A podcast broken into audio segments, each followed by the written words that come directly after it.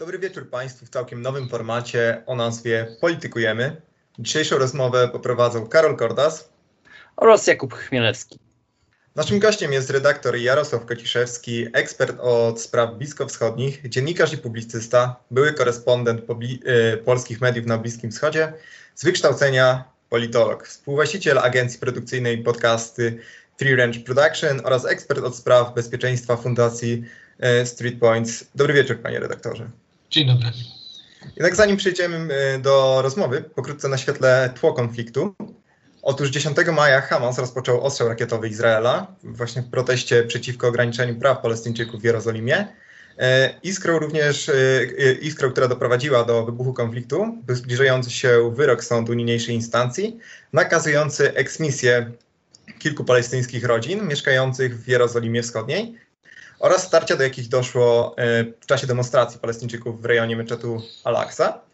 No i jak e, wiemy, w czwartek 20 maja wieczorem walczące strony ogłosiły zawieszenie broni i wojska izraelskie wstrzymały działania zbrojne. Również Hamas potwierdził tą informację, że e, obu strony rozejm zaczyna się obowiązywać od godziny drugiej w nocy, 21 maja.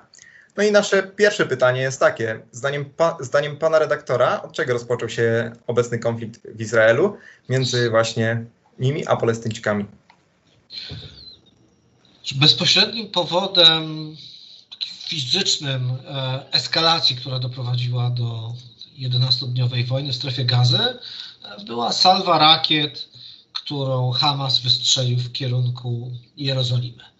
Natomiast i teraz od tego punktu możemy cofać się. E, to była odpowiedź na to, co się działo przed meczetem El-Aqsa. To jest trzecie najświętsze miejsce islamu meczet, miejsce, z którego Mahomet e, wstąpił do nieba. E, I tam przez kilka dni dochodziło do starć między Palestyńczykami a izraelską policją, która niezwykle w tym roku brutalnie e, te starcia czy demonstracje palestyńskie pacyfikowała. Między innymi granaty hukowe i granaty z gazem łzawiącym zostały wrzucone do wnętrza świątyni. I teraz powiedziałem w tym roku, ponieważ e, te demonstracje zbiegły się z końcem świętego miesiąca Ramadan i takie wydarzenia na koniec Ramadanu dzieją się praktycznie co roku. Natomiast w tym roku znowu były jeszcze bardziej intensywne niż zazwyczaj, dlatego że Zbiegło się to ze spodziewanym wyrokiem Izraelskiego Sądu Najwyższego w sprawie sześciu nieruchomości, sześciu domów położonych w dzielnicy Szachczarach e, na północ od e, jerozolimskiej Starówki. I teraz znowu idziemy w przeszłość jeszcze bardziej. E, to wszystko, te wszystkie elementy są istotne, tak? ponieważ to jest cała seria historii, które są każda ma swoją dynamikę i każda się toczy w swoim czasie, natomiast wzajemnie się zazębiają i napędzają. I teraz historia w Trzech Dżarach zaczyna się w roku mniej więcej 48, czyli wojny izraelskiej, wojny o niepodległość. Trzech Dżarach i wschodnia Jerozolima została w rękach Jordanii i z domów, które zostały we wschodniej Jerozolimie, a należały wcześniej do Żydów, Żydzi uciekli. Tak? Czyli mówimy o Żydach, którzy zostali uchodźcami. Uciekli, zostawili po sobie domy. Z kolei z terenów e, dzisiejszego państwa Izrael setki tysięcy Palestyńczyków uciekły i część z nich zajęła domy opuszczone przez Żydów e, w 1948 roku. Czyli mamy uchodźców z dwóch stron. E, w roku 1967 w wyniku wojny sześciodniowej Izrael zajął wschodnią Jerozolimę, zaanektował ją, natomiast ludzie ci nie dostali obywatelstwa izraelskiego. Mówimy o Arabach, którzy tam mieszkali i mieszkają nadal. Zostali rezydentami. Częściową próbą uregulowania kwestii tych nieruchomości i wokół Starego Miasta jest ich około 200 w tej chwili, podjęto w 1994 roku w ramach porozumienia pokojowego izraelsko-jordańskiego i wtedy Izraelczycy zgodzili się, żeby mieszkający tam Arabowie dalej w tych domach mieszkali. Natomiast, i tutaj dochodzimy do punktu spornego, ponieważ zgodnie z izraelskim prawem Żydzi, którzy opuścili, byli uchodźcami po 1948 roku, mogą domagać się zwrotu, powrotu do swoich nieruchomości i na podstawie tego teraz spadkobiercy tych uchodźców żydowskich, niezależnie od tego, czy są to krewni, czy to są e, organizacje, bardzo często prawicowe, które weszły w posiadanie praw do tych nieruchomości, teraz ubiegają się o ich zwrot. Pierwsze dwie instancje przyznały im prawo do tych nieruchomości. Sprawa trafiła po kolejnej apelacji do Sądu, Sądu Najwyższego, który ma ją rozpatrzyć. Dyskryminacja polega na tym, że znajdujący się w analogicznej sytuacji Arabowie, którzy w czasie tej samej wojny utracili nieruchomości, nie mają prawa ubiegać się o ich zwrot. Czyli rodzina arabska, która uciekła z okolic Lody na przykład, e, na wschód od Tel Awiwu e, i tam e, straciła ziemię, straciła dom, przeniosła się do wschodniej Jerozolimy, zajęła dom, z którego rodzina żydowska uciekła chociażby do tego samego Lod. I teraz Żydzi domagają się zwrotu tej nieruchomości i na logikę mają prawo, tak? Znaczy uciekli, zostali z niego wygnani, natomiast Arabowie nie mają prawa domagać się tego zwrotu. E, jest to bardzo długa, bardzo złożona batalia prawna.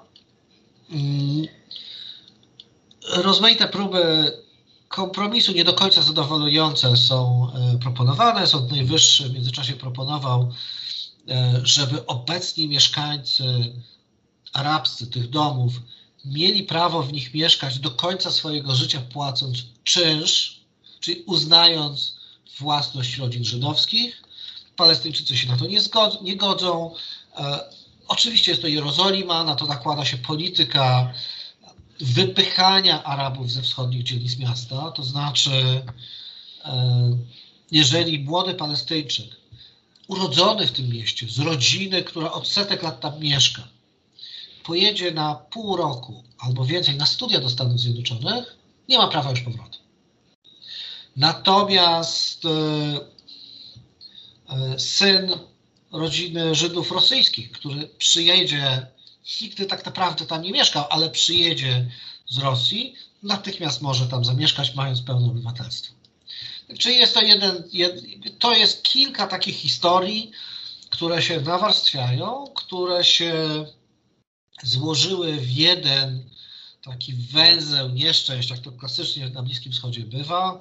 Na to nałożyły się też nierówności społeczne i napięcia wewnątrz samego Izraela, stąd zupełnie precedensowy bunt i starcia między bandami, milicjami, jakkolwiek by to nazwać, e, młodych Arabów i młodych Żydów, którzy ze sobą walczą e, w różnych częściach kraju, demolują sklepy, są próby linczu, no straszne rzeczy tam się działy i na to nakłada się oczywiście konflikt, czy nałożył się konflikt między Hamasem a Izraelem, wszystko to, co dotyczy strefy gazy, i to się skończyło z kolei tą 11-dniową wojną.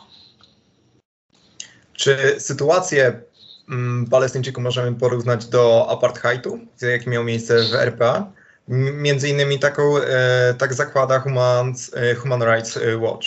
Czy zgadza się pan redaktor z tymi słowami? Ja nie zgodzę się, że tak zakłada Human Rights Watch. E, Human Rights Watch podkreśla, że w międzyczasie zbrodnia apartheidu została skodyfikowana w prawie międzynarodowym, oderwana od kontekstu tego, co dzieje się w RPA. Czyli w prawie międzynarodowym w tej chwili zbrodnią apartheidu jest próba zdominowania jednej grupy etnicznej czy populacji przez inną grupę etniczną, właśnie w oparciu o te podziały etniczne, zużycie tam rozmaitych środków prześladowań, stosowania przemocy itd. Tak itd. Tak ja w tej chwili nie pamiętam, tam są trzy dokładne punkty, także e, i to Human Rights Watch w swoim raporcie bardzo wyraźnie podkreśla, przedstawiając wykładnie tego prawa międzynarodowego i konwencji o apartheidzie i między innymi mowa jest o tym, że zbrodnia apartheidu została oderwana od kontekstu południowoafrykańskiego. W związku z tym e, pytanie nie jest, czy Izrael w stosunku do Palestyńczyków zachowuje się tak, jak potomkowie Burów e, zachowywali się do Sosa czy innych rdzennych czarnoskórych mieszkańców RPA. E, pytaniem jest, czy zachowanie Izraela w stosunku do Palestyńczyków spełnia kryteria zbrodni apartheidu, tak jak została ona skodyfikowana. I Human Rights Watch jednoznacznie odpowiada i pokazuje, przedstawia dowody, iż tak, rzeczywiście Izrael stosuje politykę, którą można uznać za zbrodnię apartheidu, albowiem e, Żydzi mieszkający, czy państwo Izrael e, dominuje w sposób nielegalny e, mniejszość, czy mniejszość, czy Palestyńczyków jako grupę etniczną. E, niekoniecznie mniejszość, bo to zależy też od tego, jak spojrzymy, w jakich, w jakich granicach. E, bo jeżeli na sam zachodni brzeg Jordanu, no to Palestyńczycy nawet w stosunku do osadników stanowią większość. Natomiast i to, na to pytanie nie jestem w stanie odpowiedzieć, bo jest to pytanie prawne i tak naprawdę Trybunał w Hadze powinien odpowiedzieć na pytanie, czy zachowanie państwa Izrael w stosunku do Palestyńczyków na zachodnim brzegu Jordanu rzeczywiście spełnia wymagania tego, tego prawa, czy spełnia. E, wymagania może nie, ale czy można je uznać za e, zbrodnię apartheidu? A jaka jest rola izraelskiej skrajnej prawicy e, przy wybuchu zamieszek i protestów? Czy ona dołożyła jakoś swoją cegiełkę, jeżeli chodzi o genezę i całość tego konfliktu? Bardzo wyraźnie. To znaczy, e, Izrael w ciągu ostatnich lat bardzo wyraźnie przesunął się na prawo. W ciągu ostatnich kilkunastu lat. E, I nastąpiła tak naprawdę legitymizacja skrajnej prawicy. To znaczy, takim najlepszym tego przykładem jest e, prawnik Itamar Ben-Gwir, to jest człowiek, którego ja pamiętam. W czasach, kiedy ja byłem korespondentem, on był młodym, skrajnie prawicowym e, bojówkarzem, nie był jeszcze politykiem. E, on zasłynął tym, zasłynął fizycznym atakiem na limuzynę ówczesnego premiera Itzhaka Rabina. Zerwał znaczek Chevroleta z tej limuzyny, którym się potem chwalił. E, potem premier Itzhak Rabin został zamordowany przez żydowskiego ekstremistę, a e, atak Itamara Ben-Gwira uważany był za taki pierwszy fizyczny atak na izraelskiego premiera. E, Ben-Gwir i ludzie tacy jak on, odwołujący się na przykład do e, polityki i światopoglądu Meira Kahany, rabina e, Kahany, który został zastrzelony w Nowym Jorku, był założycielem partii Kach, potem zdelegalizowanej w Izraelu jako organizacja terrorystyczna. E, to są tak zwani kahaniści. E, I ci ludzie po zabójstwie Iskaka Rabina zostali znaleźli się na dalekim, zdelegitymizowanym marginesie izraelskiego życia e, politycznego. Ben Gwir w międzyczasie skończył studia prawnicze, został adwokatem i między innymi zajął się świadczeniem usług adwokackich innym działaczom skrajnej prawicy. I dopiero w ostatnich wyborach trafił do parlamentu, trafił do Knesetu. E, pojawia się, czy dla wielu Izraelczyków jest to dosyć szokujące, zwłaszcza tych od centrum w lewo, ponieważ tych, którzy pamiętają, e, kim jest Itamar Ben-Gwir i co robi w przyszłości. E, Ben-Gwir pojawia się razem ze Smotriczem, szefem skrajnie prawicowej frakcji, w różnych miejscach, między innymi e, w Szachczarach. Pojawiło się takie nagranie pokazujące e, Ben-Gwira i skrajnie prawicowego wiceprezydenta, wiceburmistrza Jerozolimy, którzy w zasadzie leżą Palestyńczyków tam mieszkających. Głośno wyrażają żal, że jeden z nich nie dostał kuli w czoło. Także z punktu widzenia politycznego rzeczywiście skrajna prawica swoje dokłada. Również skrajnie prawicowe bojówki, milicje pojawiają się w punktach zapalnych, wywołują starcia. Zresztą skrajna prawica od dawna jest aktywna na zachodnim brzegu Jordanu, gdzie ci ludzie na przykład atakują palestyńskie wioski e, i obrzucają kamieniami, obrzucają koktajlami Mołotowa, przebijają opony, biją ludzi. I w momencie, kiedy pojawia się reakcja mieszkańców, wtedy wkracza izraelskie wojsko, które absolutnie nie rozdziela stron, tylko staje po jednej ze stron, czyli staje po stronie żydowskich ekstremistów, na przykład otwierając ogień do Palestyńczyków. E, niekoniecznie ostrą amunicją, ale z gazu łzawiący, granaty hukowe.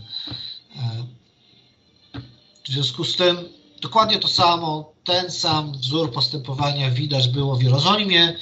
E, w dniach poprzedzających wojnę w Gazie na przykład grupa skrajnie prawicowych działaczy pojawiła się pod Uniwersytetem Hebrajskim w Jerozolimie. Mm, e, uczelnia e, znana ze swojej otwartości, na której studiują i Żydzi, i Arabowie.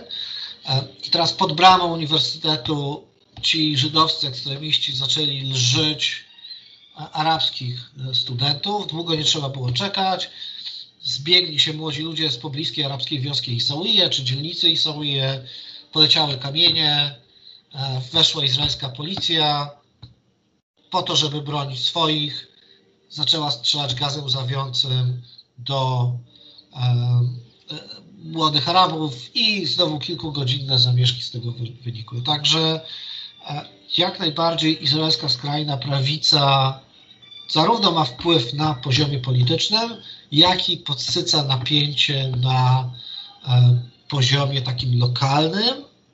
E, również aktywnie uczestniczyła w niepokojach społecznych. Podsycają to prawicowe media. E, jest taki skrajnie prawicowy kanał 20, którego dziennikarz po tym, jak mm, jedna z rakiet bodajże wystrzelona z Libanu w ostatniej rundzie, e, eksplodowała na e, boisku piłkarskim w jednej z arabskich wiosek w Izraelu, stwierdził, że no, niestety nikt nie zginął. E, w związku z tym to są działania, które bardzo podsycają oczywiście napięcie, podgrzewają atmosferę, natomiast trzeba pamiętać, że pomimo przesunięcia polityki w prawo, E, nie, nie brak też głosów absolutnie przeciwnych. To znaczy, e, były wspólne demonstracje Arabów i Żydów przeciwko przemocy. E, są przypadki, gdzie Arabowie ratowali Izraelczyków, których bojówka arabska chciała zlinczować na przykład. Kilka takich przypadków było. W związku z tym z kolei e, Arab, e, oficer izraelskiej armii był już w tej chwili rezerwy, w tej chwili rozpoczął kampanię e, taką informacyjno-przekonującą, skierowaną głównie do młodzieży, zarówno młodych Arabów, jak i młodych Żydów, mówiących, że chcemy czy nie chcemy i tak będziemy razem żyć. W związku z tym nauczmy się razem żyć obok siebie. Tak tutaj mówimy o sytuacji wewnątrz już samego Izraela. No właśnie, jaka jest w tym wszystkim rola Hamasu? Przecież nie wydaje się panu redaktorowi, że na, te, na takim impulsem do działań e, Hamasu miały te przełożone wybory, które były zaplanowane na 22 maja w autonomii palestyńskiej i Hamas pod pretekstem takiego obrońcy Palestyńczyków chciał e, coś ugrać w tym wszystkim, bo jak wiemy, poparcie wśród e, swoich, swojego narodu ma również. Po pierwsze, nie wiemy, jakie ma poparcie. Mhm. Od tego zacznijmy, że badania opinii publicznej nie są do końca, do końca okay. znane, nie są dokładnie prowadzone, w związku z tym e, możemy jedynie e, spekulować. Mhm. E, na zachodnim brzegu Jordanu Hamas generalnie nie cieszy się wielką popularnością.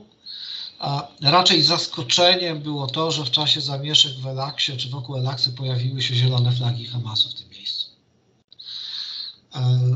E, ja też e, nie przeceniałbym roli tych wyborów. Ja rozumiem, ja widziałem, pojawiły się takie komentarze, że główną przyczyną działania Hamasu e, było odsunięcie wyborów, ale wyborów nie było od 15 lat.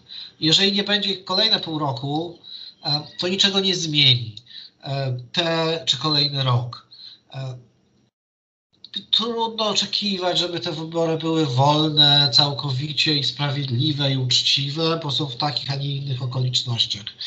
E, w związku z tym e, to też nie jest tak, że są to organizacje, Hamas nie jest organizacją demokratyczną, która szczególnie wierzy w siłę demokracji. Zresztą w strefie gazy Hamas przejął władzę nie na drodze wyborów, tylko przewrotu wojskowego w 2007 roku, e, wyrzucając swoich przeciwników z okien wieżowców i rozstrzeliwując ich na ulicach. No, nie, nie jest to do końca, znaczy w ogóle nie jest to demokratyczny sposób działania. Tak? Jest to przewrót, krwawy przewrót wojskowy. W związku z tym yy, nie uważam, żeby yy, Hamas yy, rozpoczął działania wojenne po to, żeby poprawić swój wizerunek na zachodnim brzegu Jordanu. Moim zdaniem e, Hamas z jednej strony poczuł się rzeczywiście bardzo silny. Poprzednia operacja, duża wojna e, miała miejsce w 2014 roku, czyli 7 lat temu. E, I od tego czasu Hamas zbudował potężną infrastrukturę, między innymi podziemną, o której możemy za chwilę porozmawiać, słynny metro w Gazie, które z metrem nie ma oczywiście nic wspólnego, e, wszedł w posiadanie bardzo dużej ilości stosunkowo zaawansowanej broni rakietowej. Przed wojną oceniało się, że Hamas dysponował arsenałem około 14 tysięcy rakiet o zasięgu od kilku kilometrów do, jak się okazało, prawie 300. Również E, dobrze wyszkolonymi siłami piechoty, lekkiej piechoty, ale naprawdę dobrze wyszkolonymi mm, żołnierzami. I teraz Hamas od dawna prowadzi negocjacje z Izraelem w sprawie długoterminowego zawieszenia broni chudnych za pośrednictwem Egipcjan. I tutaj Hamas ma parę rzeczy do wynegocjowania i do ugrania. E, w związku z tym, rozpoczynając ten konflikt, oczywiście Hamas musiał pokazać, e, że broni Elaksy, broni Palestyńczyków. I wielu, to jest, kilkakrotnie spotkałem się z takim głosem z wnętrza strefy gazy, że to Izrael rozpoczął tę wojnę, a nie Hamas, zachowując się tak, jak się zachowywał w meczacie Elaksa. W związku z tym z jednej strony Hamas E, czy milicje w strefie gazy nie mogły nie zareagować na to, co się działo. E, równocześnie Hamas, który stał się naprawdę silny, między innymi dzięki, a może nawet głównie dzięki wsparciu irańskiemu, mógł chcieć jeszcze dalej przesunąć równowagę sił, którą od ładnych paru lat takimi małymi rundami przemocy przesuwał na swoją korzyść. To znaczy, to jest tak, że co kilka, kilkanaście miesięcy wybuchały kilkunastogodzinne, kilkudniowe walki, kończące się zawieszeniem broni. Zazwyczaj to było tak, że e, Hamas coś uzyskiwał w czasie e, tych walk i tak naprawdę Hamas czuł i słusznie, że ma w tym konflikcie inicjatywę strategiczną. To znaczy Hamas przystępował do wojny z przeświadczeniem, że jest w stanie dyktować tempo wydarzeń, jest w stanie atakować cele, które sobie wyznaczy wtedy, kiedy sobie wyznaczy. I w ten sposób zmusi Izrael do dalszych ustępstw, a w grę wchodzi kwestia wymiany jeńców, co jest tak naprawdę znacznie ważniejsze niż same wybory palestyńskie. To znaczy, Hamas ma, przetrzymuje mm, dwóch albo trzech obywateli Izraela, plus zwłoki, szczątki dwóch czy trzech żołnierzy, których Izraelczycy chcą odzyskać. W zamian za to Hamas chce uzyskać zwolnienie znaczącej liczby palestyńskich więźniów z, z izraelskich więzień. I to jest dla palestyńskiego społeczeństwa los więźniów jest rzeczą absolutnie priorytetową. To znaczy, w każdej palestyńskiej rodzinie ktoś był, jest lub będzie w izraelskim więzieniu. Prostu to jest część ich funkcjonowania i los więźniów jest absolutnym priorytetem dla palestyńskich rodzin.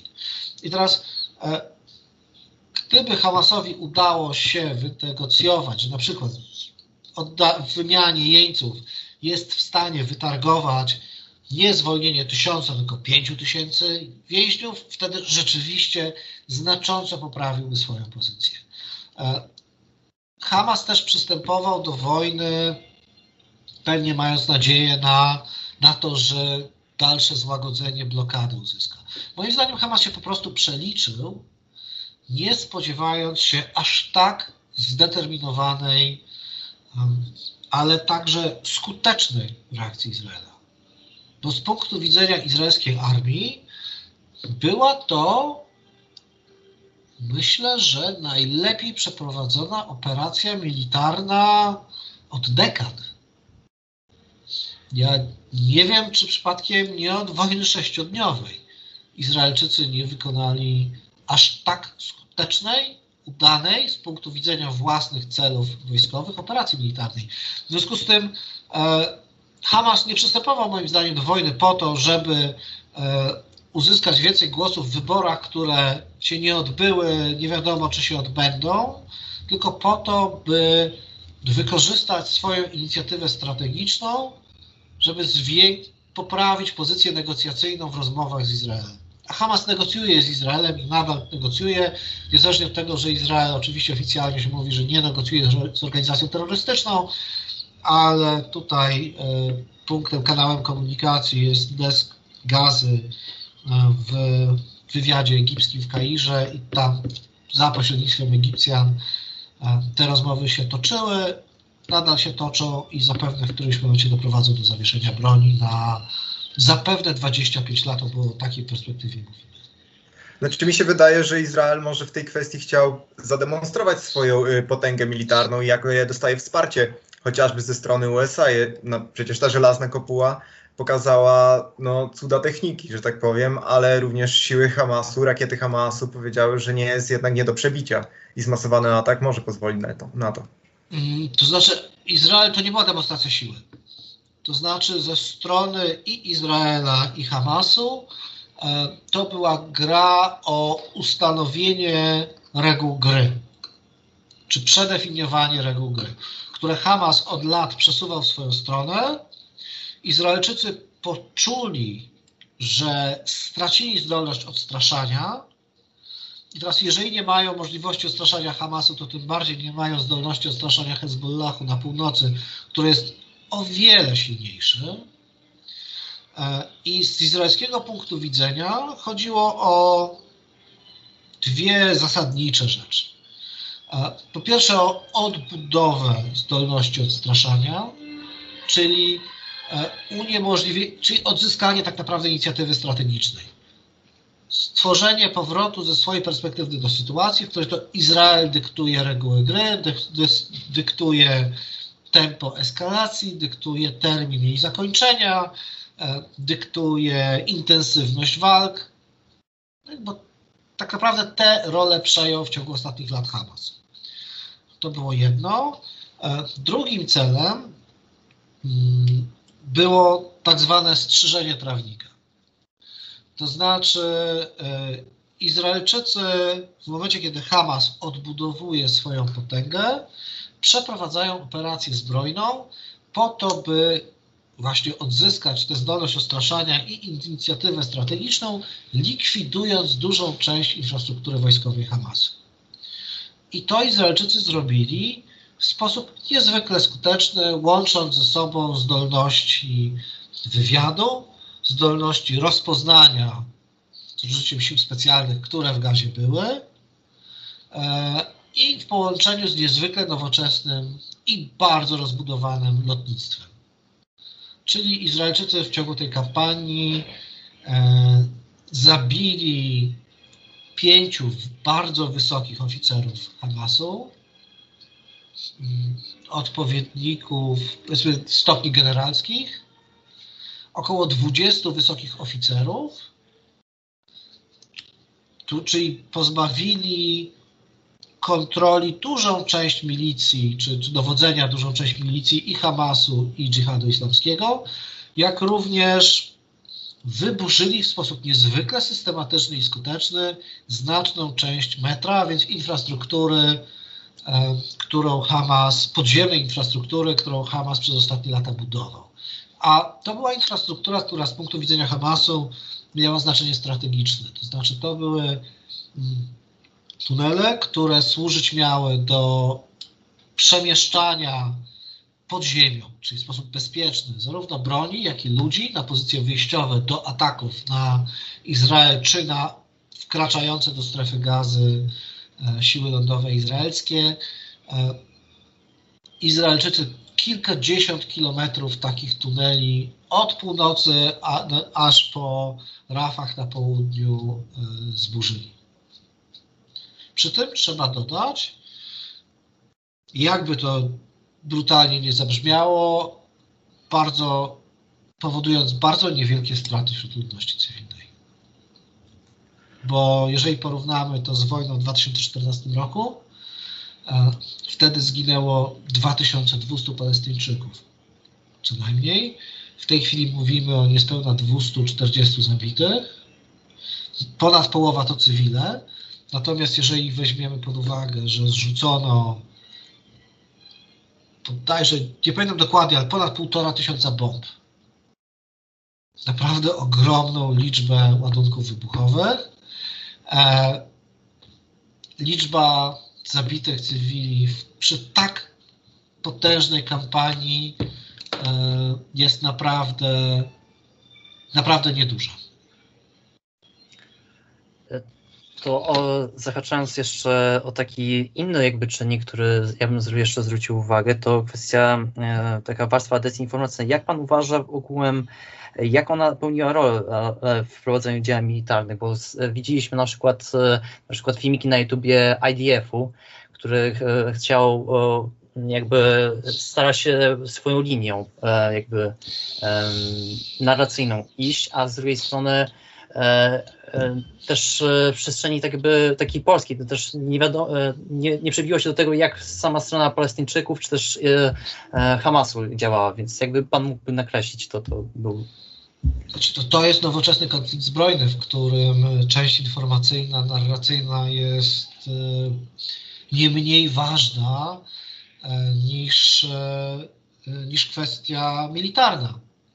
No bo samą wojnę tę kinetyczną, Izrael wygrał w ogóle bez najmniejszych wątpliwości, tak? E, to znaczy zadał potężne straty, sam poniósł straty stosunkowo nieduże, e, osiągnął w zasadzie wyznaczone cele, e, natomiast może się okazać, że nie osiągnął do końca celów politycznych. Z czegoś wynika to, że teraz Hamas świętuje sukces. E, no tak, bo tutaj się to... pojawia ta kwestia wizerunkowa, prawda? W sensie, e, no tak jak pan redaktor mówił. Ona nie jest tylko polityczna, ona nie jest wizerunkowa wyłącznie, to jest mhm. kwestia polityczna. No tak. To znaczy, e, każda wojna to nie jest druga wojna światowa i nie oglądamy filmu z czterech, czterech pancernych i psa. To nie jest tak, że jedna strona się podda, będzie podpisanie e, bezwarunkowej kapitulacji, e, tak, i jedni są górą. We współczesnej wojnie, zwłaszcza asymetrycznej, to nie jest takie jasne. Bardzo często nie jest jasne, kiedy wojna się zaczyna. Jeszcze trudniej jest powiedzieć, kiedy ona się kończy. E, a jej wyniki są jeszcze trudniejsze do określenia i w momencie, kiedy milkną działa, armia stwarza pewne, możliwości, ale tak naprawdę do polityków, którzy posługują się między innymi środkami komunikacji, zależy to, jak zostanie sprzedany sukces, albo jak zostanie, jaki spin zostanie wykonany wokół porażki i kto będzie w stanie co skapitalizować i w jaki sposób. W związku z tym cały czas mieliśmy do czynienia z narracjami obu stron. Izraelczycy doskonale wiedzieli, że mimo przewagi technologicznej przegrają, jeżeli na przykład będą powodowali bardzo duże straty wśród ludności cywilnej. Stąd użycie takiej, a nie innej broni. Po raz pierwszy niemal każda sztuka amunicji, która została użyta, była amunicją precyzyjną. Za wyjątkiem naprawdę stosunkowo niewielkiej ilości pocisków artyleryjskich użytych na otwartych przestrzeniach, głównie w północnej części strefy gazy, wszystkie bomby zrzucane przez izraelskie samoloty były amunicją precyzyjną. Użyto specjalnie przez Izrael wyprodukowanych, wymyślonych bomb, które nie tylko do niszczenia bunkrów wybuchających pod ziemią, ale bomb, które wybuchają w taki sposób, że eksplozja jest skierowana do góry i mają niezwykle mało odłamków. E, stąd też e, ostrzegano mieszkańców burzonych budynków. E, stąd też ta polityka pukania w dach. Tak? To wszystko wynikało z tego, że Izraelczycy wiedzieli, że nie są w stanie tak naprawdę przegrać wojny kinetycznej, ale są w stanie ponieść porażkę informacyjną. I teraz do tego została dołożona jeszcze narracja zewnętrzna, do którą bardzo wyraźnie było widać chociażby w polskich mediach. To znaczy, e, ja nie będę wskazywał palcami, ale e, bo nie, bo nie o to chodzi. Natomiast wyraźnie było widać, że izraelska machina informacyjna naprawdę działa, e, że ta narracja jest przekazywana, nawet jeżeli ona jest tutaj kupowana, pokazywana, upowszechniana przez nasze media, nawet jeżeli no naprawdę niejednokrotnie w sposób wyraźny była niezgodna z prawdą. Także yy, to wszystko musi mówimy o współczesnej wojnie, o współczesnej wojnie asymetrycznej, gdzie ten element, mm, gdzie ten element e, kinetyczny idzie w parze z elementem informacyjnym. Pod pewnym względem można też powiedzieć, że jakby ten cały warstwa informacyjna też wpływała na to, co się działo jakby w trakcie tych zamieszek, bo też jak zauważyliśmy w przypadku miasteczka Lot, bo, bo pewnie jak pan dużo też um, dawał postów akurat na, na Twitterze, to było pokazywane jak jest, znaczy, czy można teraz powiedzieć, że jakby w tym miasteczku się ustabilizowało ogółem, czyli czy tam, jak byłem przez chwilę mogła panować anarchia w pewnym stopniu? Znaczy w lot zawsze panowała anarchia. E, to jest takie miasto położone na wschód od Tel Awiwu, e, w większości arabskie, w którym od dek, od chyba z 20 lat mniej więcej są problemy z władzami miejskimi. Od czasu do czasu są rządy komisaryczne. E, jeden burmistrz zmarł, ktoś tam został oskarżony o, o korupcję. E, jest to miasto znane z handlu narkotykami, z bezprawia. E, stąd w czasie tych zamieszek to, że tam się pojawiła broń, nie może nikogo dziwić, no bo e, to jest miasto, w którym no właśnie działają rozmaite grupy przestępcze. I nie łączyłbym tego, co się dzieje w Lod, um Elfachem, Nazarecie, tak wprost z wydarzeniami w, e, przede wszystkim w Gazie. E, to wzburzenie zostało wywołane prędzej tym, co dzieje się, działo się w Elaksie oczywiście. E, natomiast mamy do czynienia z bardzo poważnym buntem społecznym. To znaczy w Izraelu żyje ponad milion osiemset tysięcy Arabów. To jest ponad 20% obywateli tego kraju. Mówimy o obywatelach, nie mówimy o zachodnim brzegu Jordanu ani o strefie gazy. I teraz, zgodnie z prawem, formalnie są to ludzie, którzy cieszą się pełnią praw. de facto e, są to ludzie dyskryminowani. To znaczy, e, jest pod lot taka wioska Damasz na przykład. E, to jest prawdopodobnie najbiedniejsza miejscowość w Izraelu. Jej wioska, która istniała tam już w latach 40., w czasie izraelskiej wojny o niepodległość e, żydowska bojówka dokonała w tamtejszym maczecie masakry. Prawie 180 Arabów, którzy schronili się w meczecie, zostało zamordowanych przez e, żydowskich bojówkarzy tam. Tamasz nigdy nie została uznana jako legalna miejscowość przez państwo Izrael. To oznacza, że ludzie tam mieszkający nie mają dostępu do szkolnictwa, nie mają dostępu do służby zdrowia, nie mają żadnej e, pomocy socjalnej, żadnych służb e, miejskich, czy co więcej, ponieważ jest to miejscowość uznana za nielegalną, nie można dostać legalnie pozwolenia na budowę, regularnie część domów jest wyburzana przez buldożery, mieszka tam około tysiąca ludzi, Ostatni raz bodajże w 2010 roku były część budynków została wyburzona. I teraz mieszkańcy Damasz proszą, apelują do sądów izraelskich, to jest miejscowość arabska, o uznanie ich miejscowości po to, żeby mogli mieć lekarza tam, po to, żeby mieli mieć służby municypalne, po to, żeby zbudowano im schrony rakietowe, czego też im odmówiono. I teraz spośród 13 czy 12 Izraelczyków, którzy zginęli w ostrzale Hamasu ze strefy gazy, dwójka to jest ojciec i córka z Damaszu którzy nie mogli schowa, schować się w schronie, dlatego że władze izraelskie odmówiły, ponieważ żyją w nielegalnej miejscowości. Tak? To są, i teraz takich historii jest znacznie więcej. To jest ilustracja dyskryminacji de facto. Ludzi, którzy są obywatelami tego kraju. E, I może nie aż tak drastyczne są to przykłady, ale są to sytuacje, które powodują, że istnieją napięcia. I czy one są, one są w Wakko, one są w Ubelfachem, czyli w tak zwanym trójkącie arabskim, w Hajfie, w miejscowościach beduińskich na Negewie i tak dalej, i tak dalej. Teraz część tych ludzi, zwłaszcza Beduini, służą w izraelskiej armii, bo chcą być częścią państwa.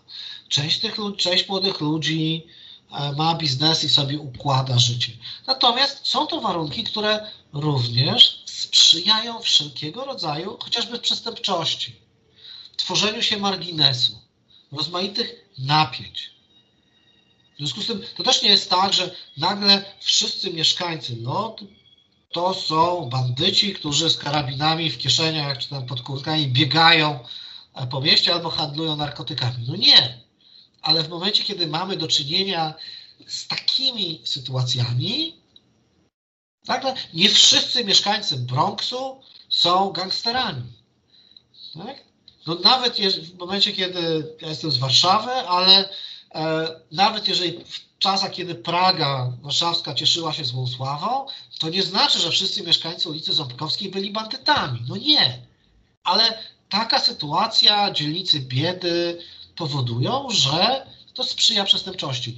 E, I to, co się wydarzyło teraz, to jest wybuch ogromnego niezadowolenia społecznego, e, wykorzystywanego również przez ten półświatek. Na to nałożyły się działania żydowskiego półświadka, bo to też jest tak, że przecież z drugiej strony nie mamy świata aniołów. To Ben Gurion na początku państwa Izrael powiedział słynne zdanie, że prawdziwe państwo żydowskie powstanie wtedy, kiedy będzie pierwsza żydowska prostytutka i pierwszy żydowski złodziej. Tak, bo to znaczy, że każde normalne państwo ma też półświatek, Izraelczycy mają swoją mafię, e, mają swoich ekstremistów, e, mają swoich nazistów. Znaczy, jakby to dziwnie nie zabrzmiało, ale tak, istnieje coś takiego jak żydowscy skinheadzi. E, są grupy kibolskie, To znaczy to słynna La Familia jerozolimska, zrzeszająca kiboli Bejtaru Jerozolima, to są skrajnie prawicowi kibole, którzy na przykład biorą udział w zamieszkach. No, teraz są te zdjęcia w Batiam, gdzie pod Tel Awiwem e, też biedne, stosunkowo biedne żydowskie przedmieście Tel Awiwu. I teraz tam mamy ludzi, którzy wyszli na ulicę, którzy rozbijali arabskie sklepy i bardzo e, znamienny taki obraz, jak tam doszło do linczu i jest takie zdjęcie, pojawiło się w mediach, jak e, Izraelczyk Żyd bije leżącego na ziemi Araba z użyciem flagi izraelskiej. E, ja nie wiem, czy to się uda, e, ale e, czy, jestem, czy jestem w stanie. Znaczy, to, to, jest roz, znaczy, to jest rozmowa właściwie e, radiowa, ale może pan redaktor podesłać linka, wtedy wrzucimy w opis o co chodziło i zaznaczymy, w którym to. E, którym to było momencie podczas rozmowy, także Dobrze, śmiało może pan linka, podesłać. Linka nie mam, ale dobra. E, mhm. Także e, w związku z tym to, to jest po prostu to, co teraz obserwowaliśmy, to jest e, zebrało się jakby nawarstwienie wielu różnych problemów o bardzo różnej historii, o długiej historii, o własnej, każdy z nich ma własną dynamikę, ale wzajemnie się napędzają. Znaczy to jest ogólnie smutne, co pan redaktor opowiada, zważywszy, że e, takie, a nie inne działania podejmuje naród, e, który spo, uzyskał swoje państwo po II wojnie światowej, który tak e, wiele wycierpiał z, właśnie podczas wspomnianej wojny. E, to znaczy, ale ja tego też bym tak bardzo prosto nie klasyfikował, bo co to znaczy, mhm. naród podejmuje takie działania? To znaczy, tak, no są tam bojówkarze i są skrajnie prawicowi działacze, są naziści, no ale przepraszam, my też mamy swoich nazistów. No tak, to prawda. Tak, to znaczy, ja, no, kuriozalne, ja pamiętam w czasie jednego z obchodów, jednej z obchodów Powstania Warszawskiego, jak w centrum Warszawy młodzi ludzie e, chcieli uczcić pamięć powstańców hajlując. No, to jest choroba psychiczna. Naprawdę, znaczy to nie trzyma się kupy żadnej. Ale wracając, wracając do Izraela, e, tam też jest lewica, to też są ludzie, e, którzy nie chcą e, w tym uczestniczyć. Ale też trzeba pamiętać, że Izrael funkcjonuje w takim, a nie innym kontekście bezpieczeństwa. To znaczy, Hamas to nie są mili faceci. Oni naprawdę po coś te 14 tysięcy rakiet kupili czy zmontowali. W związku z tym e, Izrael również ma prawo do samoobrony. I teraz nie jest winą Izraela, że ma przewagę technologiczną i że zbudował sobie armię, która jest w stanie bronić obywateli. W związku z tym e, no, używa takich narzędzi, jakie ma używa ich e, w sposób świadomy, z perspektywy własnej skutecznie, bo celem izraelskiej armii jest obrona obywateli Izraela. W związku z tym ja nie przykładałbym tego na te takie wielkie opowieści o narodach, o sporach, bo ludzie, którzy linczują, ktoś, kto, kogo, kto linczuje innego człowieka, naprawdę może być dowolnego narodu. Nie o to chodzi. Jest bandytą, który uczestniczy w linczu. I teraz, czy jest to Arab, czy jest to Żyd, to nie ma znaczenia. Tak? Czy jest to amerykański policjant, który e, e, dusi czarnoskórego kierowcę, czy będzie to nie wiem, czarnoskóry bandyta strzelający do kogoś na ulicy. No, to są działania przestępcze konkretnych ludzi, których należy rozliczać za ich konkretne działania, niezależnie od wyznania, koloru oczu, e, czy nie wiem, koloru jeansów, które mają na sobie akurat. Tak? Znaczy, trzeba patrzeć na jednostkowe działania ludzi, którzy łamią prawo i tak do tego podchodzić. Natomiast mamy też z drugiej strony konflikty, bardzo długie, bardzo skomplikowane i teraz możemy o nich rozmawiać. E, znaczy właśnie, bo możemy też przejść do e, kwestii takiej warstwy politycznej, e, mhm. jeżeli można. I tutaj jakby, jakby zaczynając na przykład od początku, czyli jakby od pierwszej kwestii, czyli Izraela. Jak, jak ogółem teraz obecnie kształtuje się izraelska scena polityczna po wyborach marcowych? E, I w związku z tym jest właśnie takie pytanie, jak wygląda sytuacja e, polityczna e, Benjamina Netanyahu i też opozycji. I jak to się w ogóle kształtuje, bo wiemy, że jakby prezydent Izraela zlecił jakby stworzenie koalicji pod przewodnictwem Jaira Lapida, ale czy tak, no, tak naprawdę on też jest takim przywódcą jakby tej opozycji i jak to się na razie kształtuje i jeszcze później przejdziemy do partii arabskich, bo żeby tak e, stopniowo, ale najpierw zacznijmy jakby od głównych mhm. partii. E, to znaczy izraelska scena polityczna izraelska scena polityczna jest niesłychanie podzielona i rozdrobniona. I to nie zmieniły tego ostatnie wybory ani przedostatnie. E, jest stosunkowo niski próg wyborczy, 3,75 bodajże mm, punktu procentowego. Oznacza to, że frakcje parlamentarne mogą liczyć 4 ze 120 deputowanych do Knesetu. A to powoduje, że bardzo trudno jest zbudować koalicję rządzącą. Jak również kłopotem jest to, że te partie opierają się na bardzo ściśle zdefiniowanych elektoratach, między którymi przepływy są bardzo niewielkie. To znaczy religijni Żydzi sefaradyjscy będą głosowali na szas, ale nie będą głosowali na religijne partie aszkenazyjskie. E, osadnicy prawicowi będą głosowali na swoje partie, mniejsze członkowie mniejszości arabskiej na swoje, mieszkańcy północnego Tel Awiwu będą sympatyzowali z lewicą. Na przykład. I to się nie zmienia. I teraz Benjamin Netanyahu jest mistrzem gry politycznej. On doskonale rozumie, że żeby wygrać wybory, trzeba zyskać parę punktów procentowych przewagi. Stąd przecież rządzący od lat Likud e, w okolicach jednej, w okolicach jednej trzeciej mandatów, między jedną czwartą a jedną trzecią się zawsze waha. E, to pozwala mu budować dosyć niestabilne koalicje, które się rozpadają. E, od dwóch lat nie jest w stanie stworzyć stabilnej koalicji, w związku z tym mieliśmy już cztery kampanie wyborcze e, i to się nie zmienia. Rzeczywiście Netanyahu nie udało się stworzyć wyborów, e, stworzyć rządu. Teraz te funkcje otrzymał Jair Lapid. I teraz pytaniem zasadniczym jest to, która niechęć w Izraelu jest silniejsza.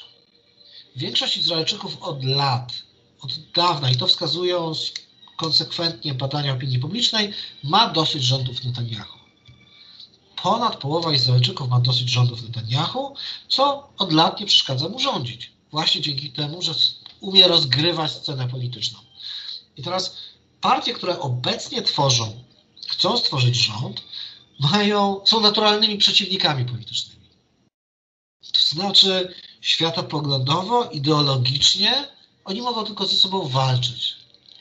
Natomiast to, co ich jednoczy w tej chwili, to jest niechęć do Netanyahu. Stąd nazywani są blokiem zmiany. E, I teraz, czy przeważy niechęć do Netanyahu nad potrzebą zapewnienia sobie lojalności własnego elektoratu? No zobaczymy bo kluczowy jest tutaj na przykład Naftali Bennett, jako ten, który chciałby być następcą, spadkobiercą rządów dusz na prawicy. Ale część jego e, deputowanych do Knesetu już powiedziała, że nie zagłosuje za wejściem do rządu z Lapidem. W związku z tym nawet uzyskanie porozumienia na poziomie partii nie oznacza, że uda się e, ten rząd e, przegłosować. Poza tym, nawet jeżeli się go uda przegłosować, to wcale nie oznacza, że ten rząd przeżyje najbliższą debatę budżetową. A mówimy o kraju, który nie tylko nie ma budżetu na rok bieżący, Izrael nadal nie ma zatwierdzonego budżetu na rok 2020. właśnie dlatego, że gra polityczna jest taka, a nie inna i tak strasznie trudno jest cokolwiek tam sensownego przez ten parlament przepchnąć. A wszystko jest rozgrywką o władzę, o przywileje i o to, żeby zapewnić jakieś tam partykularne interesy poszczególnym frakcjom i ich wyborcom. W związku z tym sytuacja jest szalenie, że to jest taka stabilna niestabilność. Tak? Jest kompletny nieład, w dużej mierze indolencja. E, Netanyahu potrafi to wykorzystać, potrafi to rozgrywać. Teraz, jeżeli do 2 czerwca e, Lapid nie stworzy koalicji, wtedy znowu będzie musiał prezydent rozpisać wybory. W międzyczasie zresztą jeszcze będą wybory prezydenckie w, parlamencie, który funkcjonuje, ale rządu nie ma, więc ale jakiegoś prezydenta pewnie wybiorą. E, a dzięki temu Netanyahu tak naprawdę jako pełniący obowiązki premiera, jako jedyny premier jaki jest, innego nie ma po prostu, dalej rządzi. I żeby było ciekawiej, są sfery życia wyjęte spoza takiej gry, są częścią konsensusu. Jedną z nich jest bezpieczeństwo, co powoduje, że Izrael niektóre, w niektórych obszarach jest w stanie funkcjonować niesłychanie skutecznie. Częścią konsensusu przede wszystkim jest sprawa bezpieczeństwa i stąd możliwość przeprowadzenia tak niezwykle skutecznej z punktu widzenia izraelskiej armii operacji, jak właśnie Strażnik Murów, bo tak się ta operacja w Gazie nazywała, czy walka z koronawirusem która jest przykładem tego, że nawet dysfunkcyjne państwo, jeżeli coś jest wyjęte spoza sfery politycznej, jest w stanie to przeprowadzić. To pytanie do krajów, gdzie wszystko jest upolitycznione, czy na pewno jest to dobry sposób działania. Dziękujemy e, panie redaktorze za, za, całą roz, e, za całą rozmowę. Była bardzo wyczerpująca i myślę, że naszym słuchaczom przybliżyliśmy, e, jak wygląda ten bardzo skomplikowany konflikt na Bliskim Wschodzie między Izraelem i Palestyną i ile się na to rzeczy również nakłada. Także dziękujemy i Dziękuję do bardzo. usłyszenia. Dziękujemy.